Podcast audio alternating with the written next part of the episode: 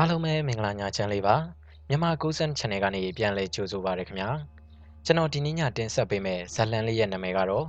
စာရေးဆရာတတ်တရဲ့လူသားစားဘလူးဆိုတဲ့ဇလန်လေးပဲဖြစ်ပါတယ်ခင်ဗျာ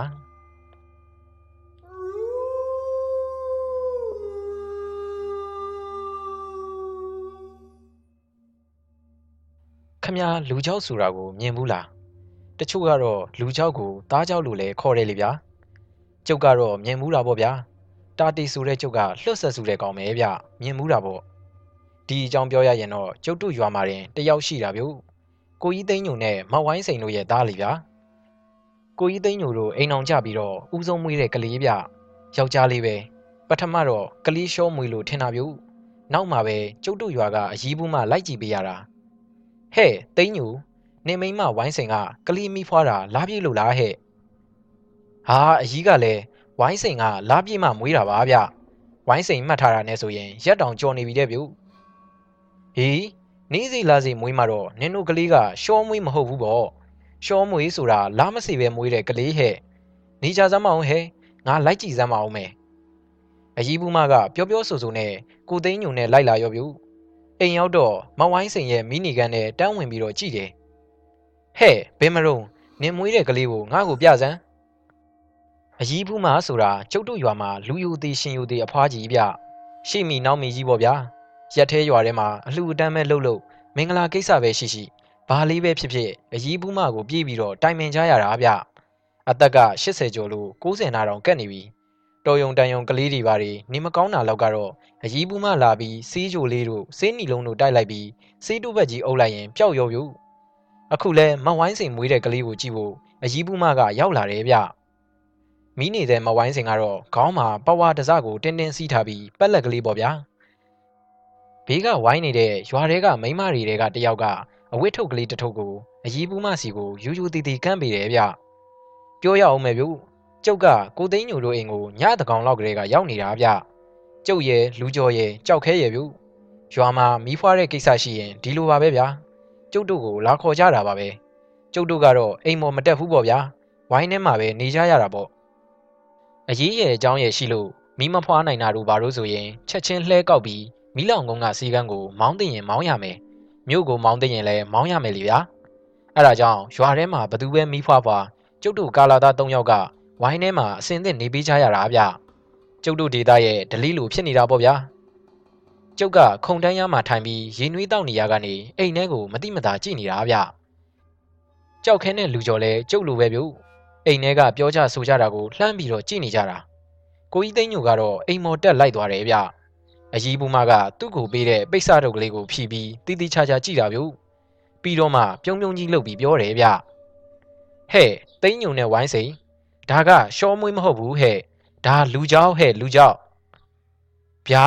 လူကြောက်ဟုတ်လားကြီး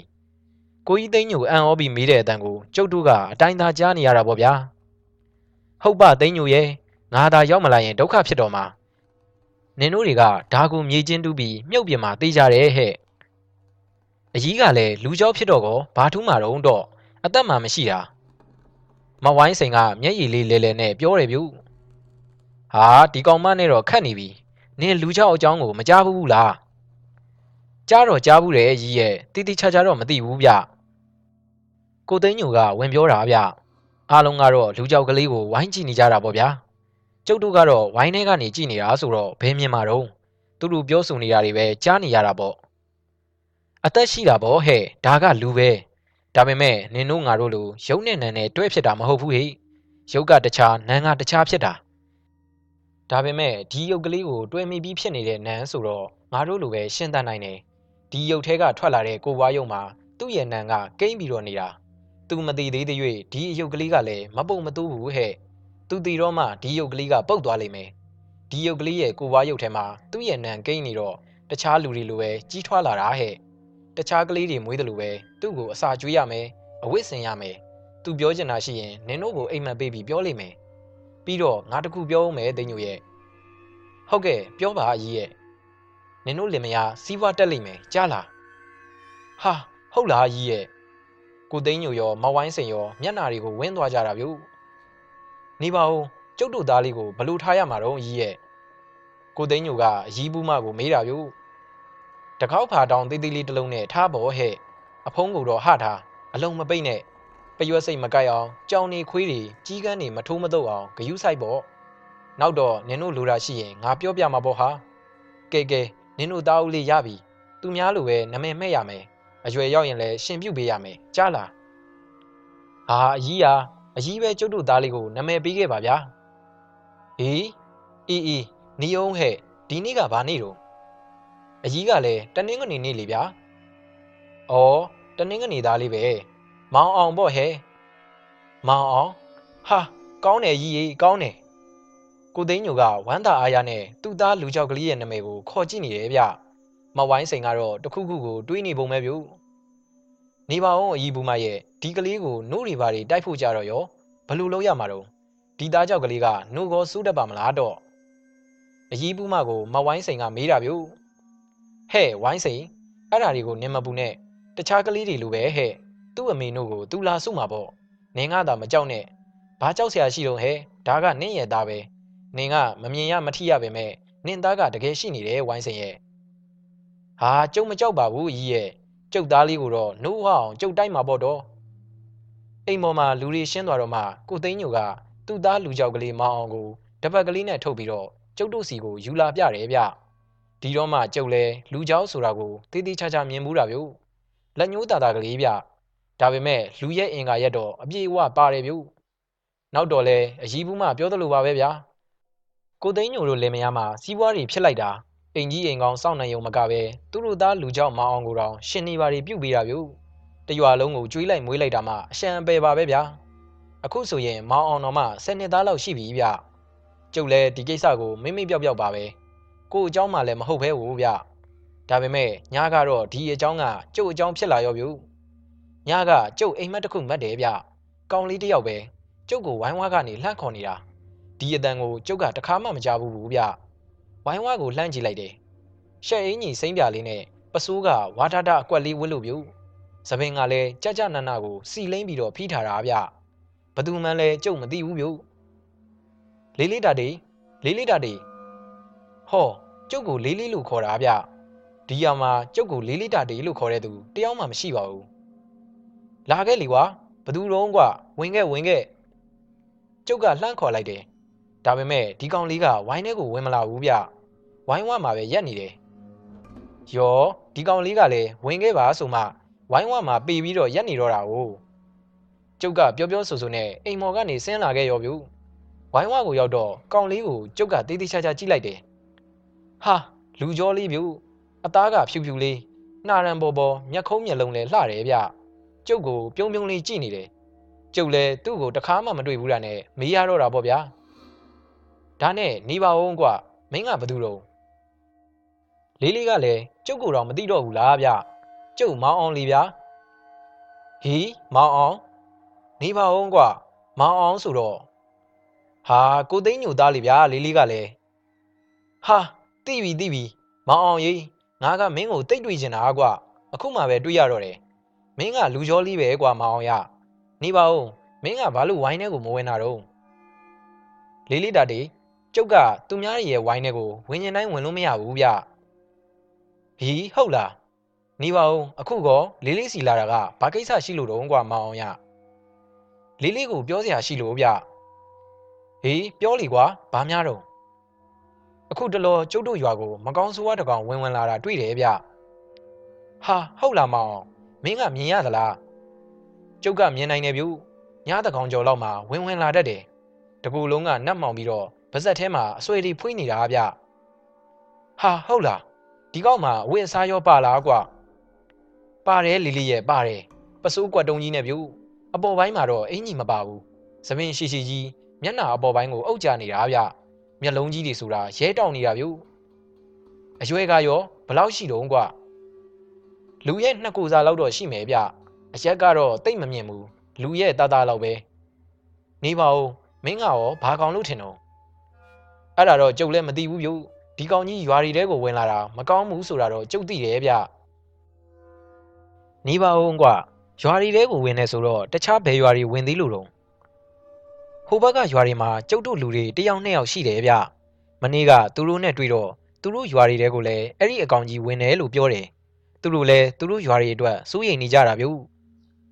အေးအေးဟုတ်ပြီမောင်လေးလေးကြည့်လို့လိုက်ပါမယ်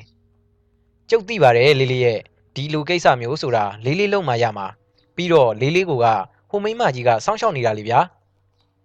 ဟေးဘယ်မိန်းမကြီးတော့မောင်ရဲ့ဟာသူ့နာမည်ကိုကျုပ်မခေါ်ရဲဘူးဗျနေပါဦးမဖဲဝါကိုပြောတာလားဒီကောင်ကခေါင်းငိမ့်ပြတယ်ဗျမဖဲဝါရဲ့နာမည်ကိုဗဇက်ကတော့မခေါ်ရဲဘူးဗျမောင်အောင်ကနောက်ကိုခြာကနေလှည့်ထွက်သွားတယ်ဟဲ့တာတီဟီးဘာတော့กว่าမောင်အောင်ရဟဲ့ဘဲကမောင်အောင်တော့ ငါဟဲ့ငါနင့်အမေငွေစိန်လေးဒီတော့မှကျုပ်ကလန့်နိုးသွားတာဗျဟာအမေကြော့ဗျာကြော့ကျုပ်ကအိမ်မက်မက်နေတာဗျနင်ဒီနေ့ရားတဲ့စင်မလို့ဆိုအဲ့ဒါကြောင့်နှိုးတာအာယုံအောင်တက်နေပြီဟဲ့ဟုတ်တယ်အမေကြီးဒီနေ့ကျုပ်ရားတဲ့စင်မှာထပြီဗျာထပြီရားထဲမှာအလုတ်တာလုံနေတာဗျကျုပ်ရဲ့မျက်စိထဲမှာတော့ကိုသိန်းညိုရဲ့သားလူကြောက်ကလေးမောင်အောင်ကိုပဲမြင်နေတာဗျဒါကအိမ်မက်မဟုတ်ဘူးဗျ ဒီကောင်လေးကျုပ်စီကိုတကယ်ရောက်လာတာပဲဖြစ်ရမယ်သူပြောတဲ့မကောင်းဆိုးဝါးဆိုတာကိုတကယ်ပဲလားဒီကောင်လေးကကျုပ်စီကိုတကယ်လာတာဆိုရင်တော့သူပြောတာလည်းတကယ်ဖြစ်မှာပေါ့ဗျာဖုန်းကြီးเจ้าကစွန်းစားတန်ကြောင်ခောက်တော့ကျုပ်ကຢာထဲကနေတက်လာခဲ့တယ်အိမ်မှာအမေချက်ထားတဲ့ဝက်ကလီစာဟင်းနဲ့ထမင်းကိုတဝစားပြီးတော့ကျုပ်ကခုံတန်းရားလေးပေါ်မှာအိတ်နေတာပေါ့ဗျာ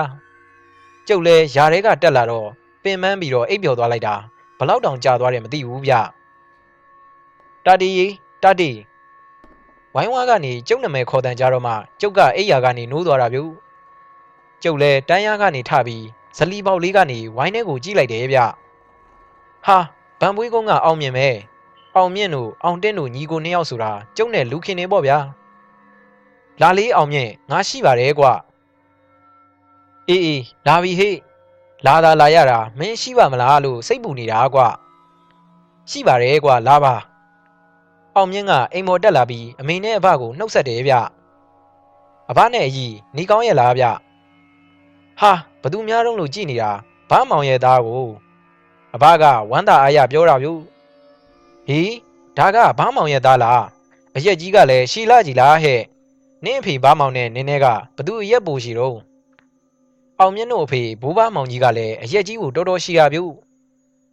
အကြီး ကျုပ်တို့ထက်အငယ်ကောင်အောင်တင်းကအရက်ပူရှိသေးတယ်ဗျဟီးဟုတ်လားကျုပ်ကအောင်မြင့်ကိုလက်ဖက်ပွဲနဲ့ရင်နွေးချမ်းတည်တယ်ဗျငကားစီးဘောလိတ်ကလေးလည်းမင်းညိပြီးတော့ပေးလိုက်တယ်စီးဘောလိတ်ကိုနှစ်ဖွာသုံးဖွာရှိုက်လိုက်ပြီးတော့အောင်မြင့်ကပြောတာဗျတာတီကြီးငါတို့ရွာမှာတော့အထူးဆန်းနေဖြစ်နေလို့ကွာဟီးဘာအထူးဆန်းများဖြစ်နေလို့တော့အောင်မြင့်ရညကတို့ရွာမြောက်ပိုင်းကကိုဖိုးထွေးတို့မမြင့်ခင်တို့ရဲ့ကလေးအငယ်လေးဆုံးသွားတယ်ကွာ နေပါဦးကလေးကဘယ်အရွယ်တုံးကွာလာသားလေးပါကွာသုံးလာသားလေးပါကလေးကမွေးကလေးကယောဂပါလာတာထင်ပါတယ်အေးအဲ့ဒီတော့ဘာဖြစ်တုံးကွာပြောပါဦးမင်းပြောတဲ့အထူးဆန်းဆိုတာကဘာတုံးကလေးကအငယ်ဆုံးဆိုတော့ချက်ချင်းပဲချပြရတာပေါ့ကွာငါတို့ပဲမနှက်စောစောစီးစီးထပြီးတော့အခေါင်းသေးသေးလေးဆက်ကြတယ်နေမိုးမတဲ့ခင်ပဲတုတ်တံမှာမြုပ်ကြတာပေါ့ကွာအဲ့ဒီမှာပဲပြဿနာကစတက်တော့တာဟိဟေး ဘာဖြစ်လို့တော့ကွာအောင်မြင့်ကမြေမြုပ်ခန်ဒီမှာမမြခင်ကအခေါင်းဖုံးဖွင့်ပေးပါသူ့သားလေးကိုနောက်ဆုံးကြည့်ချင်ပါတယ်ဆိုတော့ငါတို့တွေကအခေါင်းဖုံးကိုဖွင့်ပြရတာပေါ့ကွာအေးအဲ့ဒီတော့မမြခင်ကသတိမိလဲသွားရောလားကွာဟာမဟုတ်ဘူးဟိအခေါင်းထဲမှာကလေးရဲ့အလောင်းကမရှိတော့ဘူးကွာဟီမင်းတို့တွေကကလေးအလောင်းကိုအခေါင်းထဲကိုတိတိကျကျထည့်တယ်မလားဟာတာတီကလည်း အခေါင်းထဲကိုအာတုဘထည့်တာတိတိကျကျမထည့်တဲ့လူရှိမလားကွာအေးဒါဆိုရင်ကလေးရဲ့အလောင်းကဘယ်ရောက်သွားတာတော့အဲ့ဒါကြောင့်ပဲမင်းစီကိုလာခဲ့တာပေါ့ကွာဟက်ကောင်အောင်မြင့်ရတင်းချိုင်းကုန်းမှာသွားပြီးတကြိုတဲ့အာတုဘတစ်ခုအခေါင်းထဲကနေပျောက်သွားတာမျိုးတော့ငါလည်းတခါမှမကြားဘူးဘူးကွာအောင်မြင့်ကကျုပ်စကားကိုကြားတော့သူ့ရဲ့သပင်ပွားပွားကြီးကိုဘင်းကနေဘင်းကနေမြည်အောင်ကုတ်လိုက်တာဗျဒီကောင်တော်တော်စိတ်ရှုပ်နေတဲ့ပုံပဲဗျ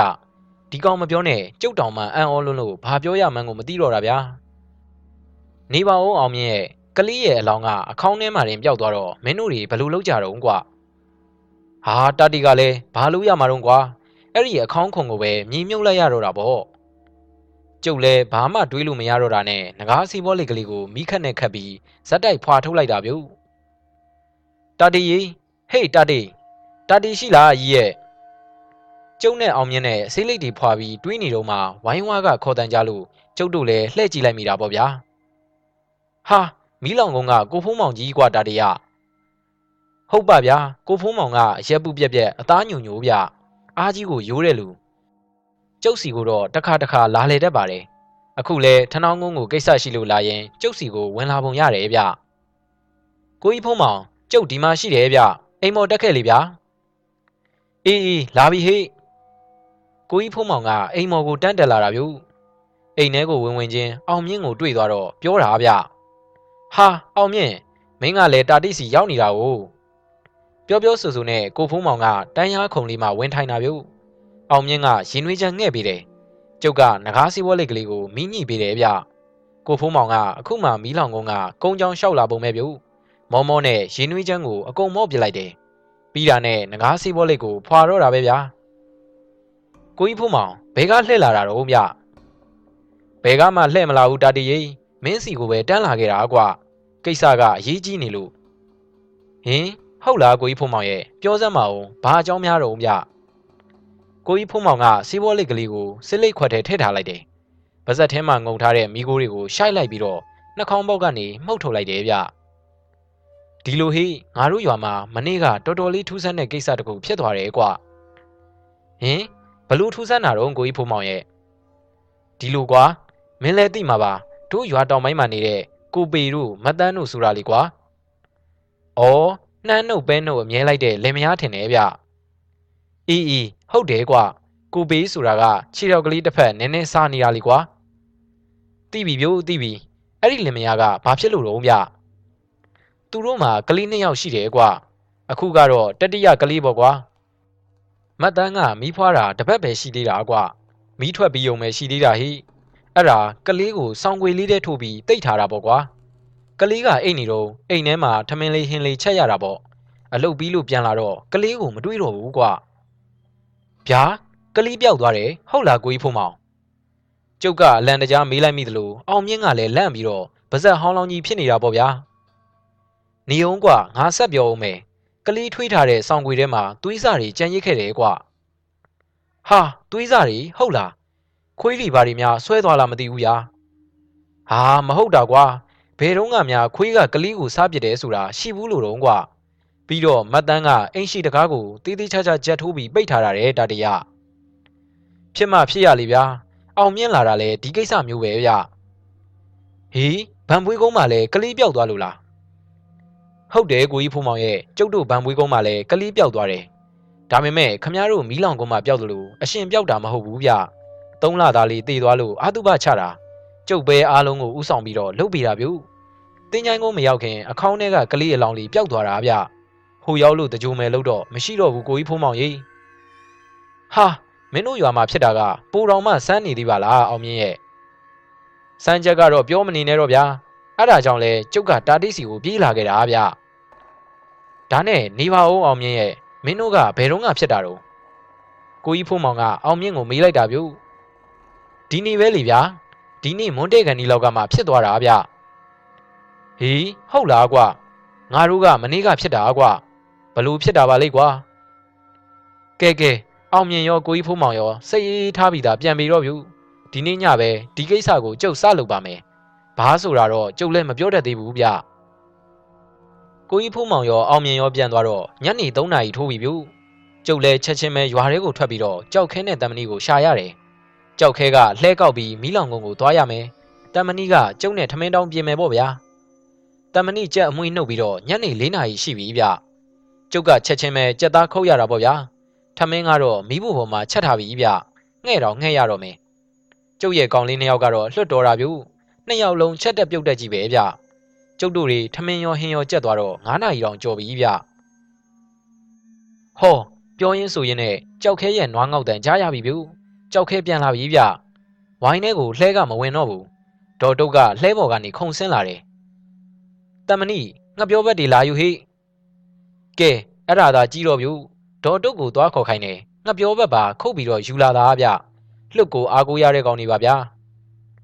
အိမ်မော်ကိုရောက်တော့ဒေါ်တုတ်ကအမေကို သူတို့ရွာကမတ်တန်ထူးထူးဆန်းဆန်းကလေးပြောက်သွားတဲ့အကြောင်းပြောတယ်ဗျ။အေးဒါကြောင့်ထင်တယ်နေ့လေကကိုရင်ဩရဲ့သားဖိုးမောင်လာသွားတာတွေးလိုက်တယ်။တာတိစီကိုဒီအကြောင်းလာပြောတာဖြစ်မယ်။ပြီးတော့ဗန်မွေးကုန်းကကိုဘမောင်ရဲ့သားအောင်မြင်လဲလာတာတွေ့တယ်။ဗန်မွေးကုန်းကလည်းဘာဖြစ်တယ်မသိဘူးမတုတ်ကြီး။သူတို့ပြန်သွားတာနဲ့တာတီလဲရောက်ရက်ခတ်နေတော့တာပဲဟိ။အမေကလည်းဒေါ်တုတ်ကိုပြန်ပြောပြတယ်ဗျ။ည၈နာရီထိုးတော့ကျုပ်တို့တွေထနောင်းကုန်းတင်းချိုင်းကိုထွက်လာခဲ့တယ်။ ထုံးစံအတိုင်းပေါ့ဗျာ။တမနီကတော့ထမင်းတောင်ထမ်းလို့ပေါ့ဗျာ။ကျုပ်ကထမင်းပြင်နေဗျ။ခါတိုင်းလိုပဲမဖဲဝါကိုပင့်လိုက်တယ်။အရှိနေထွက်အနောက်နေဝင် တောင်တငကွန်မြောက်တူဝန်အတွင်းရှိလျာရောက်လျာရက်ကအမြန်ဆုံးသာကြွခဲ့ပါ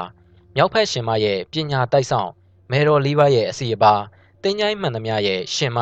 မဖဲဝါကိုစားပွဲတောက်ပွဲများနဲ့ကြိုးဆိုပါတယ်အမြန်ဆုံးကြွခဲ့ပါမဖဲဝါဗျာ ထမင်းပွဲဘေးမှာထွန်းထားတဲ့ဖျောင်းနိုင်လေးကလေတိုက်လို့ငိမ့်မလို့တောင်ဖြစ်နေတယ်ဗျဒါနဲ့ကျုပ်ကပြောရအောင်မေဗျူမဖဲဝါကိုပင်နိုင်ကျုပ်ကဖျောင်းနိုင်တိုင်းထွန်းထားတယ်ဗျအဲ့ဒီဖျောင်းနိုင်ကလေဘလောက်တိုက်တိုက်မှိန်သွားတာပဲရှိတာဗျူဘယ်တော့မှငိမ့်မသွားဘူးအဲ့ဒါကိုကျုပ်ကသတိထားမိတာကြပြီဗျဟောလာပြီဗျူလာပြီဂူရီဘော်ကနေဖြက်ဖြက်ပြီးတော့ရွှေ့လာတာဗျရိတ်ကနေရိတ်ကနေနေတာပဲဗျာဟောဝင်ပြီဗျ ဒေါ်တုတ်ရဲ့ကိုယ်ထဲကိုဝင်သွားပြီဗျဒေါ်တုတ်ရဲ့လက်ကြီးတွေကွေးကွေးကောက်ကောက်နဲ့မြောက်တက်လာတယ်ထမင်းပွဲပြင်ထားတဲ့ဂူကြီးဘော်ကိုခုန်တက်သွားပြီဗျစားပြီဗျစားပြီအားရပါရကိုစားတာဗျတော်တော်လေးစားပြီးတော့မှကျုပ်ကိုမျက်လုံးကြီးလှန်ပြီးကြည့်တယ်ဗျမဖဲဝါရဲ့ဒီအကြည့်ကိုကျုပ်ကတီးပြီးသားပါဗျာကျုပ်ကချက်ချင်းပဲပြောလိုက်တယ်မဖဲဝါဗန်မွေးကုန်းမှာကလေးတယောက်ဆုံးလို့တကြိုကန်ဒီမှာထူးထူးဆန်းဆန်းအခေါင်းထဲကကလေးအလောင်ပျောက်သွားတယ်ဗျ ပြီးတော့မီးလောင်ကုန်းမှာမွေးပြီလို့တပတ်သားပဲရှိသေးတဲ့ကလေးတယောက်လည်းတိတ်ထားရင်ကနေပျောက်သွားတယ်သွေးစားတွေလည်းကြံရစ်ခဲ့တယ်မဖဲဝါရဲ့ဟဲ့တာတီလွန်ခဲ့တဲ့နှစ်တရာလောက်ကရန်ကုန်မှာငဘိုးထူးဆိုတဲ့အကောင်တင်ချိုင်းကုန်းမှာလူသေးအသားတစ်ခုနှစ်ခုစားပြီးဘလူးမော်သွင်းတာအောင်သွားခဲ့ဘူးတဲ့အဲ့ဒီကောင်သေးတော့လူသားစားဘလူးဖြစ်သွားတယ်အဲ့ဒီဘလူးကတင်ချိုင်းမှာလာပြီးမြုပ်တဲ့ကလေးအသေးကိုဖော်ပြီးစားရတာ အခုတော့ဒီဘလူးကဘလူးစီပေါက်ပြီးရွာတွေထဲကိုဝင်ဆွဲလို့ဆွဲအခေါင်းထဲကကလေးရဲ့အလောင်းကိုနှိုက်လူနိုင်နေဖြစ်နေတာဒီနယ်ကိုဒီဘလူးရောက်နေတာငါတတိမထားမိဘူးတာတရဲ့အဲ့ဒါကြီးကိုဘလူလို့ရမှာတော့ဗျမဖဲဝရဲ့ငါပြောမယ်နင်နာထောင်ဒီဘလူးကနင်တို့ရွာကကလေးတယောက်ကိုဖမ်းဆာထားပြီမနှက်ဖြန်ညနေအဲ့ဒီကလေးကတေလိမ့်မယ်ဟဲ့အေးအဲ့ဒီကလေးကိုညာရင်းချင်းအခေါင်းသွင်းပြီးတော့အိမ်ရှိမှထုတ်ထား ဒီဘလူးကညာရင်းချင်းပဲရောက်လာလိမ့်မယ်နင့်မှာဘလူးထောင်ကြောက်အင်းရှိတယ်မလားအဲ့ဒီအင်းကိုကလေးရဲ့လောင်းစင်ရဲ့အနောက်ဘက်မှာမြုပ်ပြီးတော့စီဝိုင်းတားထားလိုက်ပြီးရင်နင့်ဆရာတော်စီမှာဝါးပြန်နဲ့ရက်ထားတဲ့ဝါးရက်တောင်ဖះကန်းထဲမှာထားတာရှိတယ်အဲ့ဒါကိုအစင်သစ်ဆောင်တာဘလူးကောင်ကနင့်ရဲ့ထောင်ကြောက်မှာမိပြီဆိုရင်နင်ကဂါရာကိုရွတ်ပြီတော့ဘဲဂါရာတော့ဗျတတီနင့်ဆရာပေးခဲ့တဲ့စာအုပ်ထဲမှာရှာကြီးဟဲ့ဩဟုတ်ကဲ့ဟုတ်ကဲ့ ဘလူးကမိထတောက်လိမ့်မယ်နင်ကကြောက်မနေနဲ့ဝါးပြန်ရက်နဲ့နာနာခတ်ပြီးအဲ့ဒီမိတော့ကအဲ့ဒီဘလူးကိုလောင်ပြီးတော့ပြာချပစ်လိုက်လိမ့်မယ်ဒီညကအဲ့ဒီဘလူးအဆုံးသက်ရမယ်ညပဲဟဲ့မဖဲဝါပြန်ကြွသွားတော့ဒေါ်တုတ်ကိုတော်တော်လေးလှုပ်နှုတ်ခဲ့ရတယ်ဗျအချိန်နည်းနည်းကြာသွားတာကိုဗျဒေါ်တုတ်ကတတိရတော့ကျုပ်တို့အိမ်ကိုပြန်လာပြီးတော့စကားစမီပြောကြဆိုကြနဲ့ညတော်တော်နှက်မှအိယာဝင်လိုက်ကြတယ်ဘလူးကကျုပ်တို့ရွာကကလေးတယောက်ကိုဖမ်းစားထားတယ်လို့ မဖဲဝါပြောတဲ့စကားကိုကျုပ်ကတတိရပြီးတော်တော်ကိုစိတ်မကောင်းဖြစ်တာဗျာနောက်နေ့တနေ့လုံးကျုပ်အိမ်ကနေဘဲမှမသွားပဲစောင့်နေတာဗျဘာတန်မှတော့အခုထိမကြားရသေးဘူးဗျဒီနေ့နေ့လဲဆိုရင်ကျုပ်တမေးတောင်မမေးဘူးဗျဘယ်ကများဘာတွေကြားရမလဲဆိုပြီးတော့စောင့်နေတာဗျကိုကြီးတတီကိုကြီးတတီဟောကြောက်ခဲနဲ့တန်မဏိတော့ဝိုင်းထဲကိုအပြေးလွှားဝင်လာပြီဗျကျုပ်ကနာယီကိုလှမ်းကြည့်လိုက်တယ်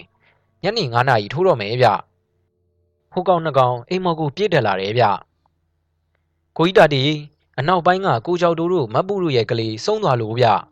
။ဟေးဟုတ်လားဘာဖြစ်ပြီးတော့ဆုံးတာတော့ကွာ။တနေ့လုံးအကောင်းနေပြီ။နေ့လယ်လောက်ကမှကိုကလေးနှွေးယုံနှွေးတာတဲ့။ညနေလဲကြာရောတက်တော့တာပဲတဲ့။နှစ်ခါသုံးခါတက်ပြီးတော့အသက်ပါပါသွားတာဆိုပဲဗျ။ကလေးကဘဲရွယ်တော့ကွာကြောက်ခဲ့ရ။အခါလေသားလေးလို့ပြောရပြီ။ကဲကဲ ငါတို့အလှုပ်စားကြမယ်ကွာအဲ့ဒီအိမ်ကိုသွားကြမယ်ငါစီစဉ်စရာတွေရှိသေးတယ်ကွာကျုပ်ကကလေးဆုံးတဲ့အိမ်ကိုရောက်တော့ကျုပ်တို့ရွာသားတွေစုံနေပြီဗျကျုပ်ကလူကြီးပိုင်းနဲ့လူလက်ပိုင်းတချို့ကိုခေါ်ပြီးအကျိုးအကြောင်းပြောပြတယ်ပြီးတော့လောက်ရမာတွေကိုတိုင်ပင်တယ်ဗျည9နာရီထိုးတော့ကလေးကိုအခေါင်းသွင်းပြီးပြီဝိုင်းထဲမှာကျုပ်စိတ်ကြိုက်နေရာရွေးပြီးတော့အလောင်းစင်ပြင်လိုက်တယ်အလောင်းစင်နဲ့မလတ်မကတ်မှာမှန်အိမ်လေးတစ်လုံးထွန်းထားတာပေါ့ဗျာကျုပ်ကအင်ခဏပြန်ပြီးတော့စီးလွယ်ကြီးကိုယူလိုက်တယ် ဆရာတော်ရဲ့အကြောင်းကခွင်တောင်းပြီးယူလာတဲ့ဝါးပြန်ရက်တောင်ကြီးလဲကျုပ်ယူရတာပေါ့ဗျာကျုပ်ကကလေးအတုပအိမ်ကိုပြန်ရောက်တော့ည8နာရီတောင်ကျော်ပြီဗျအိမ်ပြန်ချိန်ကလေးကကျုပ်ကမျက်ကွင်းစိတ်ကွင်းလာခဲ့တာဗျမဖဲဝါမတဲ့အတိုင်းအလောင်းစင်ရဲ့နောက်ဖက်မှာဘလူးထောင်ကျောက်အင်းကိုမြုပ်လိုက်တယ်ပြီးတော့ဆရာနွန်ဖတို့လုပ်တယ်လို့ဂါရာရွတ်ပြီးတော့စီဝိုင်းချတယ်ဗျညက်နဲ့တော့လူတွေကိုအိမ်အောက်ကိုဘယ်သူမှမဆင်ခိုင်းတော့ဘူးကျုပ်တယောက်ပဲမကြီးပင်ကြီးရဲ့နောက်ကပုံးပြီးတော့စောင့်နေတယ်ဗျဟာ ခွေးတွေကဦးငှက်တွေကလန့်ပြန်ကြီးတွေကပြူငှက်ဆိုးတွေကလည်းထိုးနေတာတပြိုင်တည်းကိုဖြစ်နေတာဗျကျုပ်ကတော့ကြက်သိန်းတွေကိုထားလိုက်တာဗျာဖြန်ကနေဖြန်ကနေကိုနေတာဗျဟာဝိုင်းထဲကိုဝင်လာပြီဗျကိုသိန်းညိုရဲ့သားလူကြောက်လေးမောင်အောင်ပြောတဲ့အကောင်ပဲဗျတကူလုံးကိုမဲနှံနေတာဗျပါဇက်ကတော့အကြီးကြီးပါဗျာပါဇက်ထဲမှာဆွဲကြီးတွေမှာဖွေးနေတာဗျအရက်ကတော့လူအရက်လောက်ရှိတယ်ကိုလုံးကြီးကတော့လူနှစ်ကိုယ်စာလောက်ရှိတယ်ဗျ ပစိုးကွက်တုံးကြီးဝတ်ထားတယ်အပေါ်ပိုင်းမှာတော့အင်ကြီးမပါဘူးမျက်လုံးနေနေကြီးတွေနဲ့ဝိုင်းထဲကိုဟိုကြည့်တီကြီးလုံနေတယ်ဗျကျုပ်ဖြင့်လှုပ်ကိုမလှုပ်ရဲတာဗျဟောသွားပြီဗျလူသားစားဘလူးကောင်ကကလေးအလောင်းစင်ဘက်ကိုသွားပြီဗျအောင်မဲအလောင်းစင်ကိုတပတ်ပတ်ပြီးတော့ကြည်နေတာဗျဟောဝင်သွားပြီဗျကျုပ်စင်ထားတဲ့ဘလူးထောင်ကျောက်ထဲကိုလူသားစားဘလူးကဝင်သွားပြီဗျရွတ်ပြီဗျကျုပ်ကငရဲမိတော့ဂါတာကိုရွတ်လိုက်ပြီ ကျုပ်ရဲ့ဆရာကြီးဒေါက်တာဦးမင်းအောင်သင်ပေးထားတဲ့ဂါတာပေါ့ဗျာဒီနေ့ပဲကျုပ်ကမှတ်စုစာအုပ်ထဲမှာပြန်ပြီးတော့ကြည့်ထားတာဗျကျုပ်ကဂါရာကိုမနာတမ်းရွတ်တယ်ဘာမှမထူသေးဘူးဗျဘလူးကကလေးရဲ့ခေါင်းကိုနှိုက်ဖို့လက်ပြင်နေပြီဗျကျုပ်ကဂါရာကိုမနာတမ်းရွတ်နေရတာပေါ့ဗျာဟာမိထတောက်ပြီဗျကျုပ်ကမကြောက်ဘူးဗျဒီညမှာဒီကောင်အဆုံးသက်ရမယ့်ညာလို့မဖဲဝါကပြောလိုက်တယ်ကလေးတွေကိုတီအောင်ဖမ်းစားပြီးတော့ လိုက်စားနေတဲ့လူသားစားဘလူးကိုအသေးသက်ဖို့ကျုပ်ကမကြီးပင်ရဲ့နောက်ကနေပြေးထွက်လိုက်တယ်လက်ထဲကဝါးပြန်ရက်တောင်နဲ့ကျုပ်ကခတ်လိုက်တယ်ဗျဟာဝါးပြန်ရက်နဲ့ခတ်လိုက်တော့မိတော့ကြီးတွေကိုဝုန်းကနေမြည်ပြီးထလာတာဗျဘလူးကကျုပ်ကိုမျက်ထောက်နီကြီးနဲ့ကြည့်ပြီးဗစက်ကြီးဟပြတယ်ဗျအဆွေကြီးတွေမှအရှိကြီးဗျာဒါပေမဲ့ဘလူးထောင်ကြောင်မှမိနေတဲ့ဘလူးကကျုပ်ကိုဘာမှပြန်မလုပ်နိုင်ဘူးဗျကျုပ်ကဝါးပြန်ရက်တောင်ကြီးကိုမယံမနာခတ်ပေးတယ်ဘ လူးရဲ့အော်တန်ကတရွာလုံးကိုလွှမ်းသွားတာဗျတရွာလုံးလူတန်ရောခွေးတန်ရောတိတ်သွားတယ်ဗျငရဲမီးတောက်ကြီးကလည်းပူပါပြီဗျာမီးတောက်ထဲမှာဘလူးကြီးကခြေကားရလက်ကားရနဲ့မြေကြီးပေါ်ကိုလဲကျသွားပြီဘူးအော်တန်ကြီးကလည်းပျောက်သွားပြီဗျဒီလူသားစားဘလူးအော်တဲ့အတန်ကိုမဖဲဝါလဲကြားမှာပဲဗျအားလုံးပြဖြစ်သွားတော့မှငရဲမီးတောက်ကြီးကငိမ့်သွားတယ်ဗျဒီတော့မှပဲအိမ်မော်ကလူတွေဝိုင်းထဲကိုဆင်းလာကြတာပေါ့ဗျာ ကျုပ်ကောင်နေကြောက်ခဲတဲ့တမနီကလည်းကျုပ်စီကိုစွတ်ပြီးတော့ပြေးလာတာဗျရွာတွေကရွာသားတွေလည်းလူတန်းနေကြတော့မှကလီအာတုဘအိမ်ကိုစုပြုံရောက်လာပြီးတယောက်တစ်ပေါက်ပြောကြဆိုကြနဲ့ညံနေတော့တာဗျ။နောက်နေ့မနက်ပိုင်းမှာပဲကလီကိုတော့ကောင်းကောင်းမွန်မွန်ပဲတကြိုလိုက်နိုင်တာပေါ့ဗျာ။စာရေးဆရာတာတီရဲ့လူသားစားဘလူးဆိုတဲ့ဇာတ်လမ်းကတော့ဒီမှာတင်ပဲပြီးဆုံးသွားပါပြီ။နားထောင်သူမိတ်ဆွေများအားလုံးကိုယ်စိတ်နှပြချမ်းသာချမ်းသာကြပါစေခင်ဗျာ။